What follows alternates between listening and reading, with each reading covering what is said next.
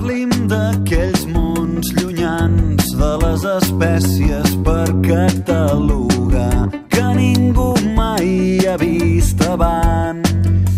Avui amb el nostre expert en ciència, el Marc Boada, ens endinsarem en el cervell. Eh, És l'òrgan més important que tenim, el que ens fa ser com som, i malgrat els avanços científics encara és força desconegut. Bon dia, Marc. Bon dia. Escolta, tenim poc temps, avui hem d'anar per feina. Directament. Per, per, eh, per el tema, espero que no t'acceleri gaire el cervell. Eh? A veure, d'entrada, el cervell humà d'un adult aproximadament pesa una mica més d'un quilo, eh? Més o menys, seria això. La pregunta ja sé que és molt bàsica, però què és exactament un cervell? Què és el cervell? Puc dir una paraulota, diguem-ho Digues, així? digues, va. El cervell és la hòstia. és la rapera, si més no, perquè aquesta massa gelatinosa i humida que tots tenim i que a vegades sembla mentida que en siguem conscients, és l'estructura més complexa que coneixem a l'univers. Un cervell humà estàndard són 100.000 milions de neurones, 100.000 milions de cèl·lules de la glia... Això són xifres que hi ha. es- Són xifres literalment astronòmiques i tots aquests components, aquestes cèl·lules, estan connectades les unes amb les altres a milers, de manera que la seva estructura és la cosa més sofisticada, més complexa que coneixem en tota la creació, diguem-ho així, almenys fins que no trobem una altra espècie. I de tota aquesta complexitat eh, incomparable amb, amb qualsevol màquina que nosaltres haguem pogut construir, ens surt també una complexitat de comportament, que és el que fa que mirar els éssers humans i la societat sigui absolutament meravellós. Mm.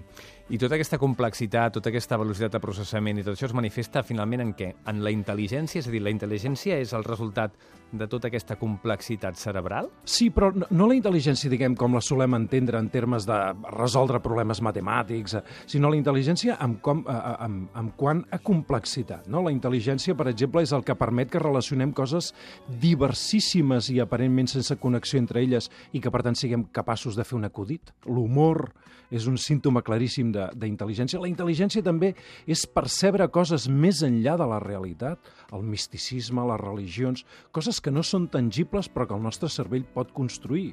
L'art, per exemple, no? la filosofia i també, naturalment, el constructe de la, de, la, de la ciència, que és una de les manifestacions de la intel·ligència col·lectiva i acumulable.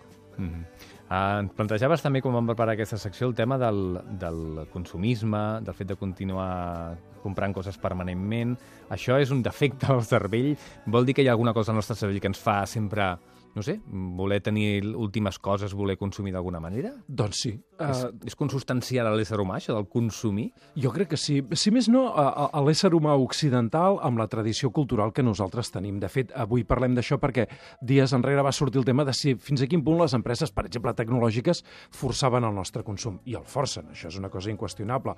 Les empreses han de seguir creixent per mantenir-se en funcionament. No? Però per fer-ho, el que fan és aprofitar-se una mica del nostre, del nostre comportament cerebral. Cervell no només són totes aquestes neurones que hem parlat, sinó que també és un ambient bioquímic. És, és un conjunt de neurotransmissors, una, sopa química que fa que el to i la manera de processar la informació pugui canviar suaument. I resulta que quan nosaltres anem a una tenda i ens comprem una cosa que desitjàvem molt, mm -hmm. el nostre cervell s'inunda de neurotransmissors de plaer i experimentem una sensació de benestar, una cosa comparable quan ens mengem una, un, un tros de xocolata, mm -hmm. no? Ostres, que bé, tu, que bo i tal. El que passa és que també, el, el, i això els, els economistes ho saben molt bé, diguem, el plaer que ens produeix la primera unitat d'una cosa que comprem és molt més gran que no pas el plaer que ens produeix la segona unitat. Això és el que s'anomena la llei de rendiments decreixents. El primer mòbil que vam tenir ens va fer molta il·lusió i durant uns dies no li podíem treure els ulls de sobre i ara canviem en freqüència de mòbil gairebé com de samarreta, no? I cada mòbil nou que ens comprem, supertecnològic, amb més aplicacions, etc etc, no ens dona el mateix plaer que ens va donar la primera cosa. I hem de comprar cada vegada coses que ens fan estimular més aquesta química cerebral. Exacte, perquè... O sigui, som uns addictes, som uns a la química cerebral, no? Sí, i també som uns addictes, diguem, allò que ja fa temps que tenim, no? Per això quan fa molt temps que portem pantalons de campana, ostres, ja és molt poc emocionant anar amb pantalons acampanats i aleshores, sobtadament, tot canvia i ens posem tots uh, pantalons ben ajustats, de manera que els fabricants poden tornar a fer tot de fons d'armari per tots els ciutadans catalans i nosaltres tornem a experimentar el plaer d'estrenar una cosa nova. I tot això no respon res més que a la nostra percepció de la societat, de com som nosaltres, a la imatge que volem donar, però també aquesta neuroquímica que fa que experimentem plaer fent aquestes coses noves, sorprenents, diferents, etc etc. Um, hem estat plantejant aquesta secció també des d'aquest titular, eh? a les primeres impressions a nivell cerebral. És a dir, què ens passa quan ens formem una primera impressió d'una persona dins el cervell? Ostres, això és una cosa fortíssima, perquè, de, fet, és un tòpic, per exemple, sobretot en el món anglosaxó, que els set primers segons en els que veiem una sí, persona... Sí, llegit aquells articles sí. així, no? Sí, sí. sí és cert. I, i, eh, és absolutament en cert. En set segons, què ens, passa? Ens formem la primera imatge sobre les persones que veiem, no? que, que, amb les quals interaccionem. Set segons, de fet, és una exageració i és una eternitat per un cervell com el nostre que pot processar bilions de uh, uh, fenòmens per segon.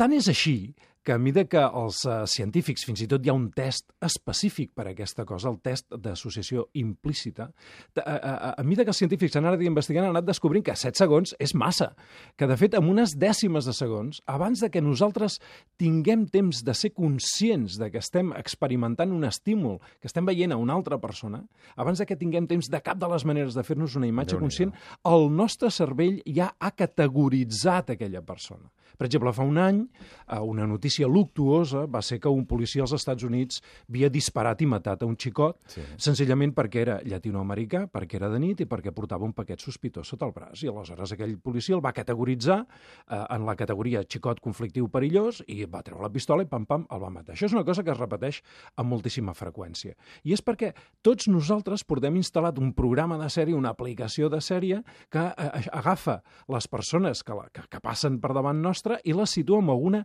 categoria social que aquesta sí que poc o molt ens l'han ensenyat i poc o molt l'hem anat millorant amb les nostres experiències vitals. Però això deu ser una cosa, un programa que portem de fàbrica perquè evolutivament té molt sentit, no? El fet de ser capaços en molt poc temps de decidir si una cosa és perillosa o una persona és perillosa o no.